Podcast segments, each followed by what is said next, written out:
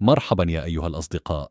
أنا مايك مرة أخرى برنامجنا اليوم هو عن الأمل والأمان في الغد وبالفعل نحن في برنامج النجاح. هل فكرت يوما أن الغد مشرق؟ هل اعتبرت هذا الأمر فقط كعبارة روتينية؟ الحقيقة أن تفاؤلنا يمكن أن يكون أقوى من الواقع. مصاعب الحياة قد تكون صعبة وثقيلة لكن الأمان في الغد هو الذي يعطينا القوة لنواجه هذه التحديات.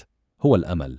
هو الأمان في الغد الذي يجعلنا نقف بإصرار وننظر إلى الأمام بثقة. إذا كان لدينا أمل في الغد نحن نتقبل اليوم بكل ما فيه من إيجابيات وسلبيات.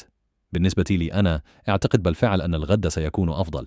أن الغد سيكون مشرقا وليس فقط بسبب أحلامي وطموحاتي بل بسبب ما أراه من تطور في العالم حولي.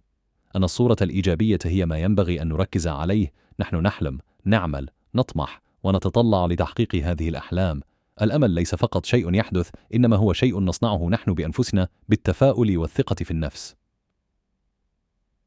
لذا دعونا نبدأ اليوم بتغيير النظرة التي لدينا عن الغد. دعونا نتطلع إلى الأمام. دعونا نحلم. ودعونا نتأكد من أن الغد سيكون مشرقا. أنا مايك وقد أنشأت هذا البرنامج المجاني باستخدام أدوات الذكاء الصناعي. تعرف كيف فعلت ذلك على mrc.fm/x نلتقي غدا.